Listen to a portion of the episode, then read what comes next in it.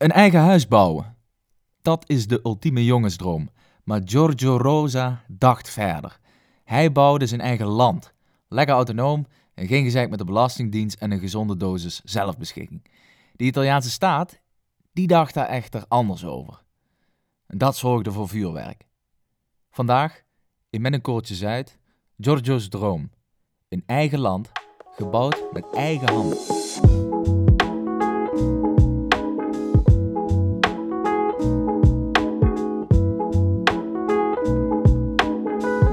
Dit is Met een Korreltje Zuid.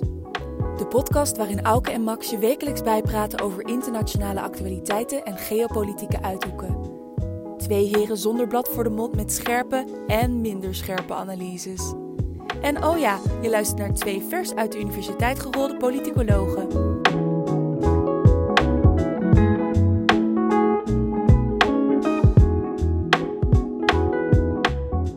Jij kwam weer met een fantastisch eh, ja, weetje, een obscuur feitje Mm. deze week. Mhm. Ehm, namelijk Giorgio Rosa en zijn eh, plan om een eigen land te bouwen. Ja, naamgenoot hè? Gior Rosa. Ro- Rosa. Ja. Ah ja, Nee, geen klopt. familie. Maar los daarvan, ehm, vertel, wat, eh, wat was er aan de hand? Ja, dus, ja, dit is natuurlijk mijn, mijn stiekem mijn favoriete onderwerp is, is toch wel eh micronaties en obscure eh, feiten daaromheen. En ja, daar past dit eigenlijk perfect in. En ik moet zeggen, ik had hier dus nog nooit van gehoord. Dit was ook Mhm. voor mij als, als ja, toch wel micronatie-nerd. Micronatie-nerd. Ja, was dit toch een nieuw... eh, ja, kwam, kwam, kwam ik dit toch nieuw tegen. Ehm, want ook zelf Itali- Italianen kennen dit verhaal vaak niet. Eh, heb ik hier een beetje gepolst. Wat is er nou gebeurd? In 1968 eh, was de net afgestudeerde Giorgio Rosa, een, eh, een ingenieur... Mhm. Eh, die, die, ja, weet je, die was, die was jong, die wilde wat, die, die had zin in een avontuur. En die kwam op het idee om een eigen land te maken. dat klinkt best wel bizar en dat is het natuurlijk Ja. ook. En daar zit trouwens ook nog wel heel veel tussen het zin hebben in een avontuur en je eigen land bouwen natuurlijk. Ja, ja nou, het was natuurlijk een markante vent. Ik bedoel, ja, er zijn niet veel mensen die met zo'n idee op de proppen komen en het vervolgens ook nog uit gaan voeren. Hm. Eh, wat had hij bedacht? Hij dacht, de Italië, dit, dat heeft natuurlijk eh, eh, zee eromheen. Eh, maar die, die zeegrenzen, die houden op een gegeven moment op. En in 1968 waren die grenzen net wat, eh, wat, wat korter dan, in, dan nu. Net wat eh, dichter bij land dan nu. Ehm, dus hij bedacht, ik ga gewoon net buiten de Italiaanse territoriale wateren zitten. Daar vaar ik naartoe. En, dat, eh, en dan had hij een mooi stukje uitgekozen bij Rimini. Daar Mhm. gaat de zee niet zo heel diep. Meter of tien, denk ik. Ehm, en Niet net, verkeerd. net 500 meter buiten de Italiaanse territoriale wateren... is hij een soort platform gaan bouwen. En Mhm. dat, eh, dat heeft hij met een aantal vrienden gedaan. En dat is hem gelukt. Het is toch best wel knap. Ik bedoel, het is toch 11 kilometer uit de kust van, eh, van Rimini. Mhm. Nou, heeft hij dus een aantal ehm, stalen... Hoe zeg je dat? Ja, buizen, kolommen. Ja. eh, Ja, die heeft hij neergezet als, als fundering. Daar een platformpje opgebouwd. En, ehm, nou ja, het maar neergezet, wacht even, dat moet je toch in de grond eh, Ja, graven, zeg maar, stoten, zo, zoiets. ja dat lijkt goed, hij was ook. engineer, dus hij zal het wel weten. Ja, het bizarre is, er is dus er is niet zo heel veel informatie over bekend. Zeg maar. de, de, de beste man heeft niet eens een Wikipedia-pagina. Mhm. Ehm, dus het is allemaal best... Ja, ik weet niet zo goed hoe hij dat gedaan heeft, maar het is hem gelukt. Op de een of andere manier heeft hij daar een, een platformpje neergezet. En ja, toen kwam toch Mhm. het idee van... Ja, wacht eens, misschien kunnen we wel gewoon onafhankelijkheid uitroepen. En dat, eh, en dat begon best wel leuk. Ik bedoel, het, het werd eigenlijk een soort feestplek. Er kwamen natuurlijk veel mensen vanaf Rimini. Die hadden de, dat, dat, dat gerucht ging natuurlijk rond. Dus Mhm. mensen pakten hun bootje, voeren die kant op. En eh, nou ja, in, in de weekenden was daar feest. Mhm. Ehm, maar Giorgio begon het eigenlijk wel steeds serieuzer aan te pakken. Dus hij dacht, ja, een eigen land heeft natuurlijk een, een eigen taal nodig. Ehm, en dat, dat heeft hij dan het Esperanto voor gekozen. Dat is, die, dat is natuurlijk die, die, die bedachte taal die een soort wereldtaal zou moeten worden. Dat is nooit Ja. echt van de daar, daar zie je trouwens wel dat het een, eh, een eh, engineer was en geen internationale betrekkingen eh, politicoloog. Want een, een land heeft natuurlijk helemaal geen eigen taal nodig. Ja, goed, dat is... nou ja, het, het werkte. Het, het, het was, een- ik denk dat het ook meer een soort grap was of zo. Dat je dacht van, nou, we, we moeten ons wel echt onderscheiden van Italië. Wij zijn absoluut geen. Ita- Ita- eh, Italianen meer. Wij zijn nu, mhm. eh, ja, Rose, Rose Island, eh, Isola della Rosa heette het, hè, zijn achternaam. Wij zijn daar nu inwoners van. Dus wij moeten onze eigen taal hebben. Wij ze gingen op een gegeven moment, ik geloof dat ze ook een munt hebben uitgegeven. Al zijn die nooit echt geprint, geloof ik, was meer het idee. Ze hebben wel postzegels uitgegeven. Een munt wordt ook niet geprint, hè? Eh, ja, bank, eh, bankbiljetten. Eh, dat was natuurlijk eh, het ding destijds, zeker in Italië, met de, met de, met de lira. Ehm, Esperanto dus. ja. Dat werd de taal. ja, ja. Spreekt natuurlijk geen hond. Nee, ik vraag me af hoeveel dat daar dan ook gesproken werd. Uit, kijk, in eerste instantie was het natuurlijk veel meer een soort feesteiland. Rimini stond natuurlijk zeker ook in die tijd al wel bekend als toch wel eh, hè, de partyplek van Italië. Nou, Het Ibiza van Italië. precies. Nou, bouw je een, een, een, een artificial eiland net buiten de kust, dan heb je natuurlijk een fantastische feestplek. De Italiaanse overheid die kreeg er op een gegeven moment ook lucht van. En die dachten, ho, ho, ho, ho, ho eens even. Dit is niet de bedoeling. een eigen land beginnen, net buiten onze, onze territoriale grenzen, dat lijkt me niet de bedoeling. Want die zagen Mhm. dit eigenlijk vooral als een, als een hele creatieve, leuke manier van belasting ontduiken. Want ja, als je daar op dat eiland zit en je, en je ja, dan ga je natuurlijk niet de belasting aan Italië betalen, want je bent je eigen land als je jezelf enigszins serieus neemt. Maar over welke belasting heb je het dan? Ja, dingen als eh, eh, drankverkoop, want het werd natuurlijk de drank verkocht op dat eiland. Eh, er, Mhm. werd ook, er, ja, er werd ook steeds meer gegokt, dus een soort casinootje werd er gestart. Ja, Was er ook be- be- woonst? Was, wa- was dat bewoond, dat eiland?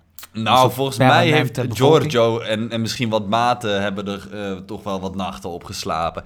Het was natuurlijk niet zo heel groot. Hè? Ik, ik heb hier de, het is denk ik, oei, kun je dit omrekenen? 0,0004 vierkante kilometers. Ja, dat is eh, een heel klein land. 40 vierkante kilometer? Veer- 40 vierkante meter is dat, klopt dat? Ja, maar we praten dus over een, een, iets, ja, een eilandje, niet of een soort boorplatform is het eigenlijk niet groter dan een, eh, een boot. Ja, dat kun je wel eens- Ja, zoiets. Ja, precies. Het, is niet heel, het Aha. was niet heel groot. Ja, ik denk dat je er met een aantal vrienden wel, eh, ja, wel, wel wat leuks eh, kunt doen in het weekend. Maar ja, het werd dus eigenlijk wel... ehm nou ja, weet je, die Italiaanse staat die kreeg er lucht van. Die dacht, dit willen wij niet. Want het, A, een stel gasten die daar op zee eh, allemaal leuke frats uithalen... maar tegelijkertijd de Italiaanse belasting ontduiken... en een soort gokparadijsje beginnen, dat moeten we niet hebben. Maar daar gaat Italië toch helemaal niet over? Nou, precies, inderdaad. Dat zou je zeggen, want het, het- Ja. dat zeiden zij dus ook. De- ja, hou eens even. We zitten, we zitten buiten jullie grenzen, dus je hebt hier niks te zoeken. Mhm. Ja, dat, eh, dat klopt inderdaad wel. En eh, dus ze zijn toen naar de, de Council of Europe gestapt. European Council heet dat, sorry. Mhm. En gezegd, jongens, eh, dus de, de- ik bedoel, dus Giorgio is daar naartoe gestapt. En die zei, jongens, wij willen eigenlijk wel erkenning. Want wij eh, zitten eigenlijk niemand in de weg. Hè? We zitten dan buiten die grens van Italië. Mhm. Ehm, erken ons maar. En eh, de European Council heeft zich er lang over gebogen. En uiteindelijk hebben ze de, de, de, de, de case, de casus wel ja, toch niet in behandeling genomen, omdat het... ehm, omdat het, oh ja, dat is mooi. Ze hebben de casus uiteindelijk niet in behandeling genomen, omdat eh, de Rose Republic buiten de Europese grens lag. Ze lagen namelijk buiten de Italiaanse territoriale Ah, wateren. ja. En dus buiten Ja. de Europese grens zei de European Council, zei, ja jongens, hou eens even, daar hebben wij niks mee te maken. Die lossen het Nee, maar dan maar staat het, dan staat het de, de, de council, of laten we zeggen, dan staat het Europese landen toch nog steeds vrij om zoiets gewoon eh, te erkennen. Zeker, ja, nee, dat, dat, wel. Maar je kan toch ook een land aan de andere kant van de wereld eh, erkennen Zeker. of niet erkennen? Nee, maar, de- maar zij zijn dus meer naar de European Council gestapt om te zeggen van... jongens, kunnen jullie eh, slimme koppen hier eens over buigen? Zijn wij een eigen land? Kun, is, Mhm. is daar een soort wettelijke grond voor te vinden? En, eh, Ja, die, die was er in 1933 al. nou ja, je en die... die eh, Montevideo-conventie. Ja, precies. Nou ja, dus, maar uiteindelijk heeft die council dus gezegd van ja, eh, ja, we vinden het allemaal leuk en aardig om hierover na te denken, maar wij gaan hier helemaal niet over. Dus we gaan het ook niet eens in behandeling nemen. Daarmee Ah, ja, gaven ze dus eigenlijk wel indirect aan dat zij toch wel een, een, een, een soort van soeverein iets waren. Want ja, anders ga je er niet eens eh, over in discussie. Ze zijn er wel Mhm. dus in, over in discussie gegaan. Uiteindelijk hebben ze gezegd van... ja, jullie zijn dan misschien wel of niet een land... maar omdat jullie buiten onze grens vallen... gaan wij er niet over nadenken. Gaan we niet over in discussie. Oké, nou, een beetje Ehm, lafjes. Ja, nou goed. De Italiaanse overheid die eh, zag de bui al hangen. Die dacht natuurlijk, ja, eh, hou eens even. Het kan wel zo zijn dat het eh, buiten onze grens is. En dat is natuurlijk ook zo. Maar ja, weet je, Max, dat, dat zal voor jou niet nieuw zijn. Op zulke momenten dan geldt gewoon de regel wie heeft de grootste spierballen. Mhm. En ja, weet je, dan kun je wel zeggen, dan kun je wel stoer doen met je eilandje en zeggen, ja jongens, eh, we vallen buiten jullie territoriale grens, dus eh, jullie hebben niks over mij te zeggen. Is ook Mhm. in, op de, in de wet zo.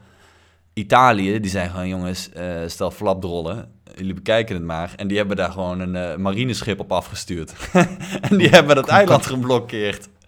Ja, echt? Ja, die hebben er een, eh, een, een marineschip op afgestuurd. Met kanonnen hebben ze er zelfs nog wat schoten op af. Nou, ze hebben niet, ze hebben niet echt daadwerkelijk... Ze hebben wat waarschuwingsschoten gedaan om even te laten zien van... Jongens, we, het meen is, hè. We zijn, we zijn hier niet om een beetje met jullie te, te dollen. We willen jullie dat... Maar je- geen eh, ballistische raket eh erop afgeschoten. Uiteindelijk heeft Giorgio zich natuurlijk gewonnen gegeven.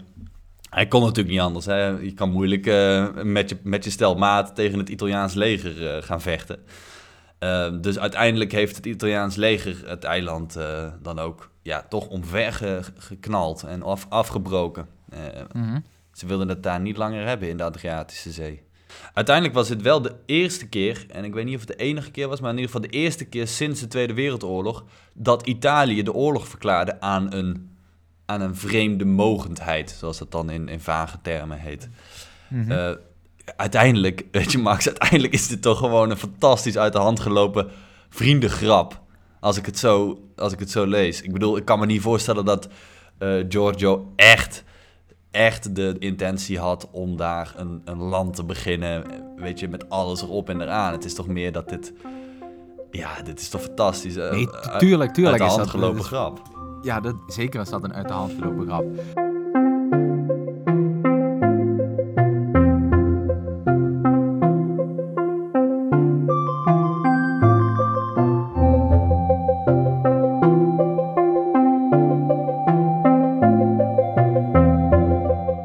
Deze podcast wordt gesponsord door Koenoloog Wijnbox. Eh, zes unieke wijnen, gemakkelijk bij je thuis bezorgd.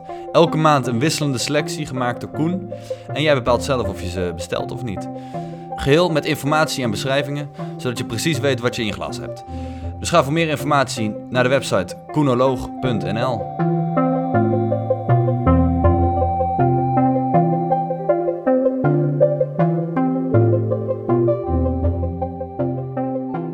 Jij zegt wel, dit is natuurlijk een uit de hand gelopen grap en daar heb je ook gelijk in.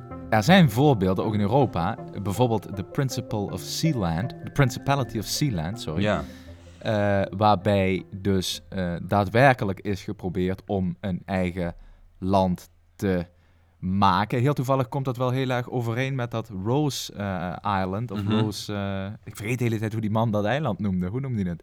Ja, Isola de, de la Rosa, of hoe, heette het? eh, Rose, Republic of Rose Island in het Engels. Ah ja, Republic of Rose Island. Ja.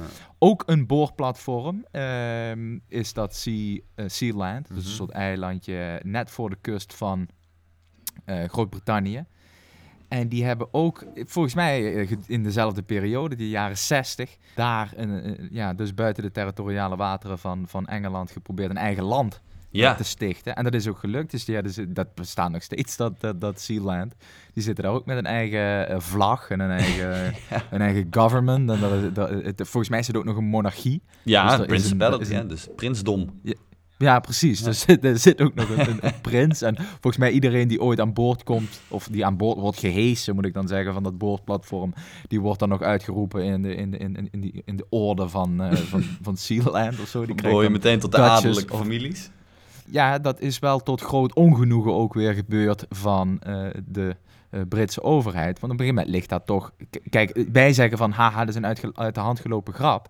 Maar eh, bijvoorbeeld de Pirate Bay, ja, die site Mhm, ken je... Zeker. Die wilde op een gegeven moment dat eiland kopen... om dus vanuit daar ook weer inderdaad bepaalde ehm, tax evasion te bewerkstelligen. Ja. En kijk, dan wordt het wel interessant voor ons en problematisch voor zo'n zo'n staat die daarmee te maken krijgt.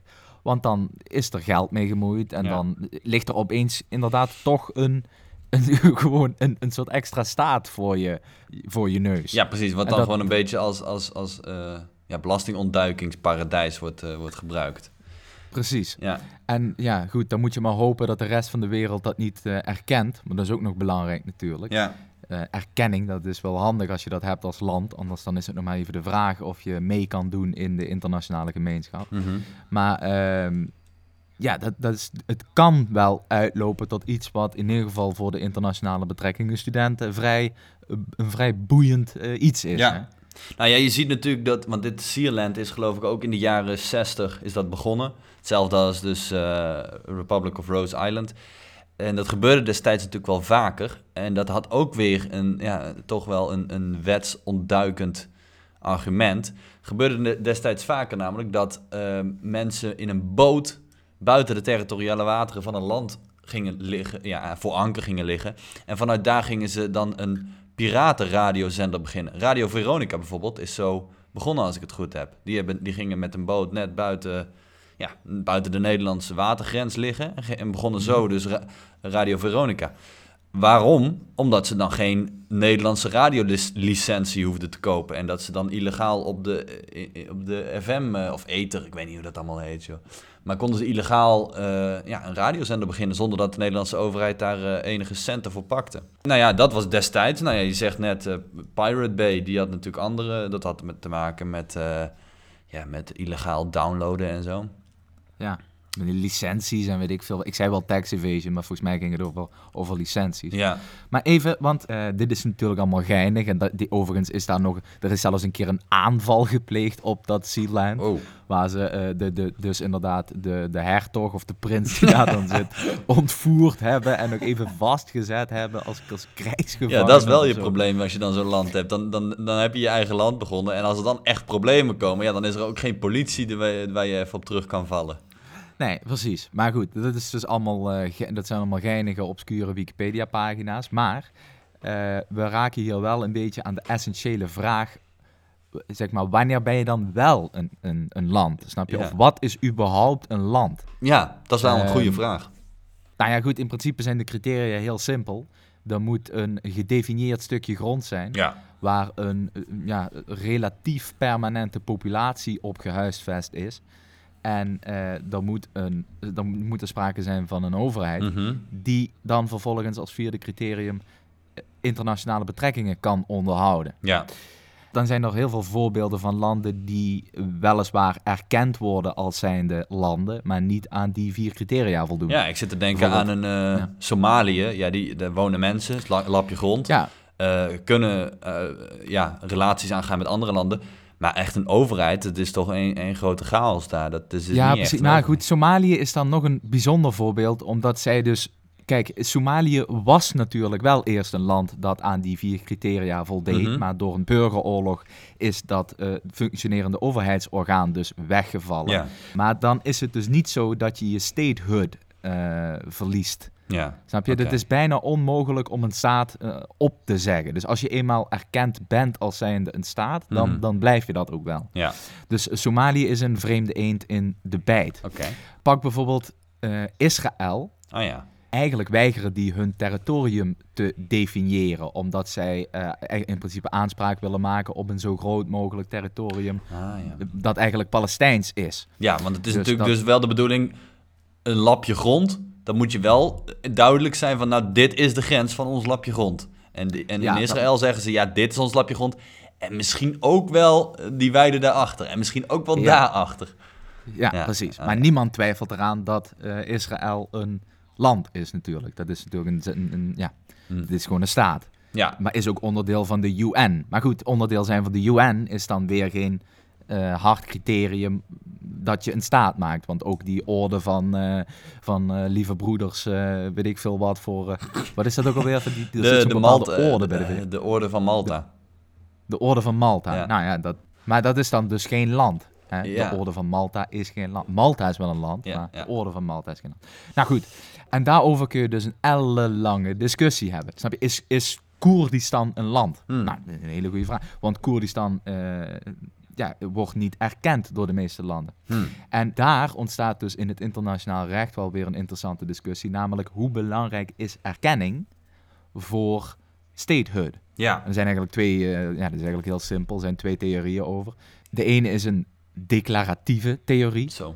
Ja, dat klinkt, heel, eh, dat klinkt heel heftig, maar dat is het niet. Die zegt, ja, erkenning, leuk en aardig, maar als dat ontbreekt, dan wil dat niet per se zeggen dat een land geen land is. Hm. Eh, bijvoorbeeld, nou, noem eens een voorbeeld van een land dat eh, wel een land is, maar niet erkend. Kosovo Oh bijvoorbeeld. ja, Kosovo. Wordt niet door iedereen erkend. Zeker door Servië niet. Precies, dus als je een aanhanger bent van die declaratieve theorie, dan, dan moet je dus eigenlijk zeggen, ja, alles leuk en aardig met die absentie van erkenning, maar Kosovo is gewoon een land. Hm. Daartegenover staat de constitutieve eh, theorie. En die zegt eigenlijk, ja goed, eh, alles leuk en aardig dat je een stuk grond hebt en een populatie en een government en weet ik veel wat. Bijvoorbeeld Transnistrië. Mhm. Maar als niemand jou erkent, dan ben jij geen land. Ja. Dan heb je er niks Ehm, aan. Dan heb je er niks aan. Dus eh, in dit geval van die twee eh, boorplatformen die wij besproken hebben, denk ik dat ja, de, de, de laatste theorie wel het dichtst bij de werkelijkheid komt. Ja. Namelijk, misschien is er wel sprake van een, een, een land. En in het geval van Sealand is een, een eenkoppige bevolking. Ehm, Heeft hij geen vrouw en- of zo? en- of kinderen? Die, heeft hij geen vrouw of kinderen die hij mee dat, eiland, dat boorplatform opneemt? oh, vast en zeker. Dus misschien een, driekoppig, eh, een, een driekoppige populatie. Eén huishouden. Ja. één huishouden. Eh, en misschien ook nog wel een government die enigszins kan functioneren. Want wie weet is het een aardige vent. Maar ja, als, als, er niemand, daar iets aan, als niemand er iets van vindt, dan kun je niks met je land. Nee. Nee, dat is waar. Want dan kun je aankloppen bij de ambassade van eh, de Verenigde Staten. En die zeggen gewoon, ja, wat is dit voor, eh, wat is dit voor gek? Eh, ga, me, ga mijn pand uit. maar dus in de, in de wereld heb je een aantal hele interessante casus. Ja. Taiwan bijvoorbeeld. Taiwan, ja, dat is misschien wel de Ja, bekendste. dat is... Wat zeg Dat je? is misschien wel de bekendste. Die wordt niet door Ja, iedereen dat is misschien wel de bekendste. Niet door iedereen erkend. Het voldoet wel aan alle eisen. Is een ja, zelfstandig opererend ehm, ja, land. Maar eh, ja, China denkt er anders over. Eh, en ja, ik denk dat Taiwan uiteindelijk en iedereen die Taiwan als dusdanig erkent, eh, het onderspit gaat delven. Want dat zal, eh, dat Ja. zal China worden. ja, Nederland, Zoals erkent, dat Nederland erkent Taiwan ook niet als onafhankelijk land, hè? Nee. Hm. Ja, je hebt er een hoop. Dus bijvoorbeeld nou ja, in Georgië heb je dus Zuid-Ossetië en Abhazie. Ook twee van die gebieden die ja, toch zichzelf als eigen land beschouwen. Ik bedoel, ze hebben daar een grenswacht en, een- en een hek omheen staan. En in het geval van... eh, nou, in, in, in beide gevallen spreken ze ook niet Georgisch, maar spreken ze de Russisch. Ehm, en er zijn een handjevol landen in de wereld die, die zeggen... Ja, Abhazie, let's get it. Jullie zijn een eigen land. Maar ja, maar dat zijn ook allemaal van die, van die, van die half, halfbakken landjes. Er is gewoon niet een hele harde grens, maar het is gewoon hoe, tenminste dat denk ik, hoe meer landen en hoe, hoe grotere, bekendere landen jou erkennen, nou, hoe, hoe echter jouw claim wordt. Dus in het geval van Abhazie, nou ja, Rusland erkent ze, dat is best wel een grote speler, de- de- lijkt me.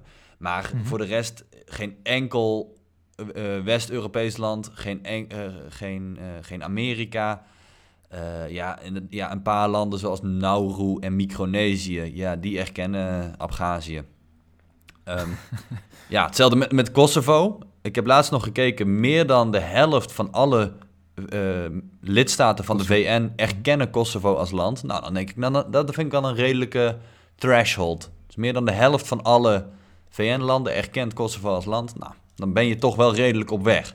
Maar ook niet alle landen. Dus Spanje bijvoorbeeld erkent het niet. Of hun buurland eh, Servië erkennen Kosovo niet als onafhankelijk land.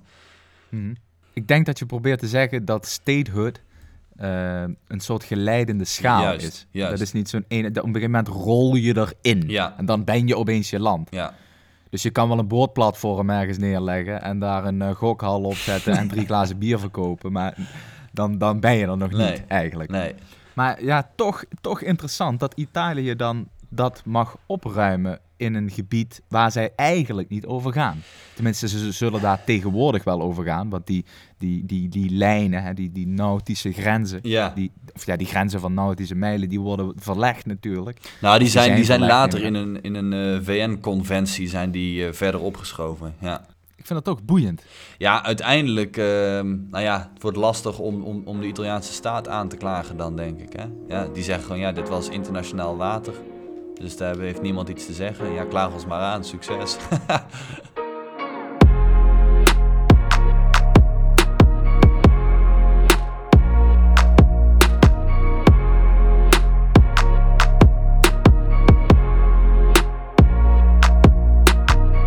Ehm, ja, dan, als de luisteraar nu denkt van, ja, dat lijkt me toch wel wat, eh, een eigen land beginnen. Maar, ja, ik heb gewoon niet de kennis bij handen om een, om een platform in zee te bouwen. En ik vind de Noordzee gewoon net iets te koud. Ja, zijn er dan plekken ter wereld waar men toch naartoe kan, eh, een, vla- een, een vlag kan planten, zijn caravan neer kan zetten en zeggen, vanaf nu is dit mijn land. Nou, voor 100.000 euro mag je in mijn achtertuin. mag je je caravan neerzetten, mag je een vlag planten, mag je zeggen, dit is mijn land. Krijg je mij nog een fles Moët aan Chandon erbij. Ja, En Eh, maar, eh, maak ik ook nog wel een paspoort voor je. Ja, nou ja, gekkigheid op een stokje. Eh, dat, dat is natuurlijk, het probleem is natuurlijk dat jouw achtertuin Nederland is. En dat dus de Nederlandse overheid dan zal zeggen, ja, ho eens even, dat gaan we niet doen.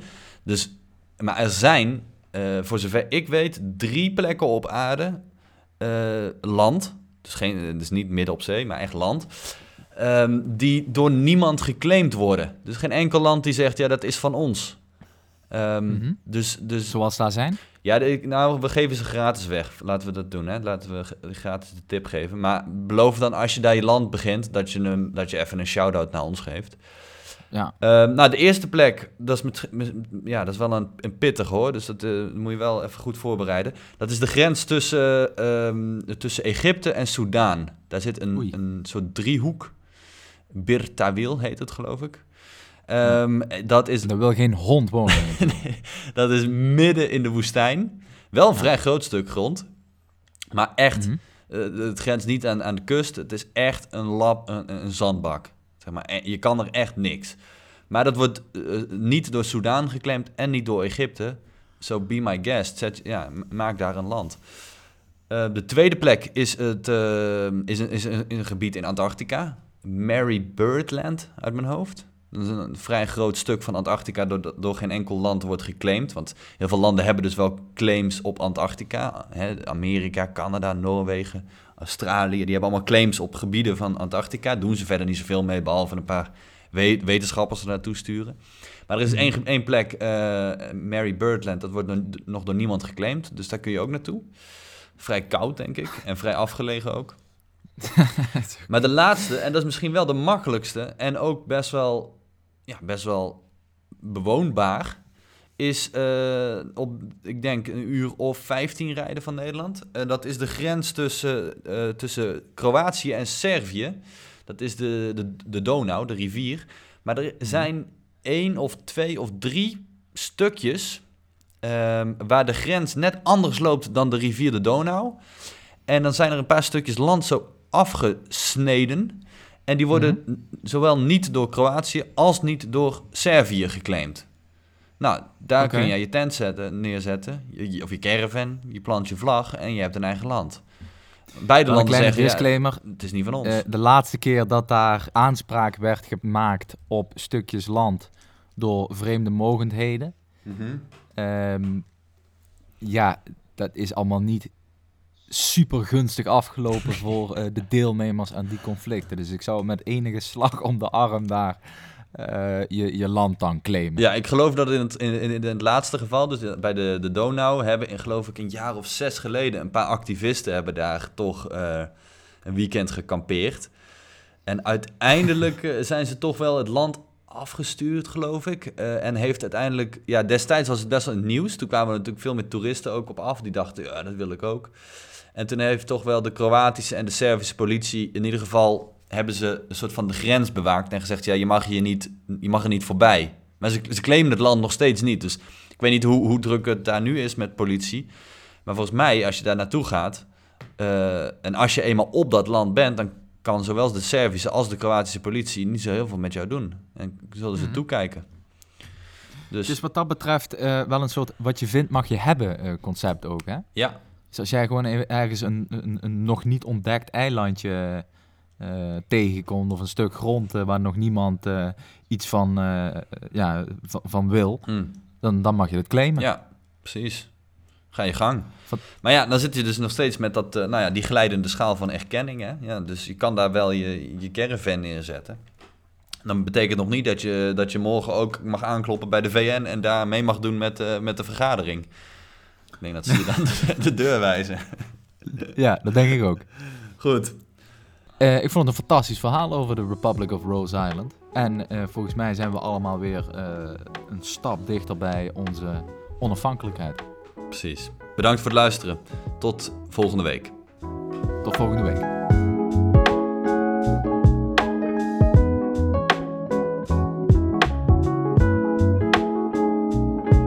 Deze podcast werd gepresenteerd door Max Severijns en door mij, Auke Roos.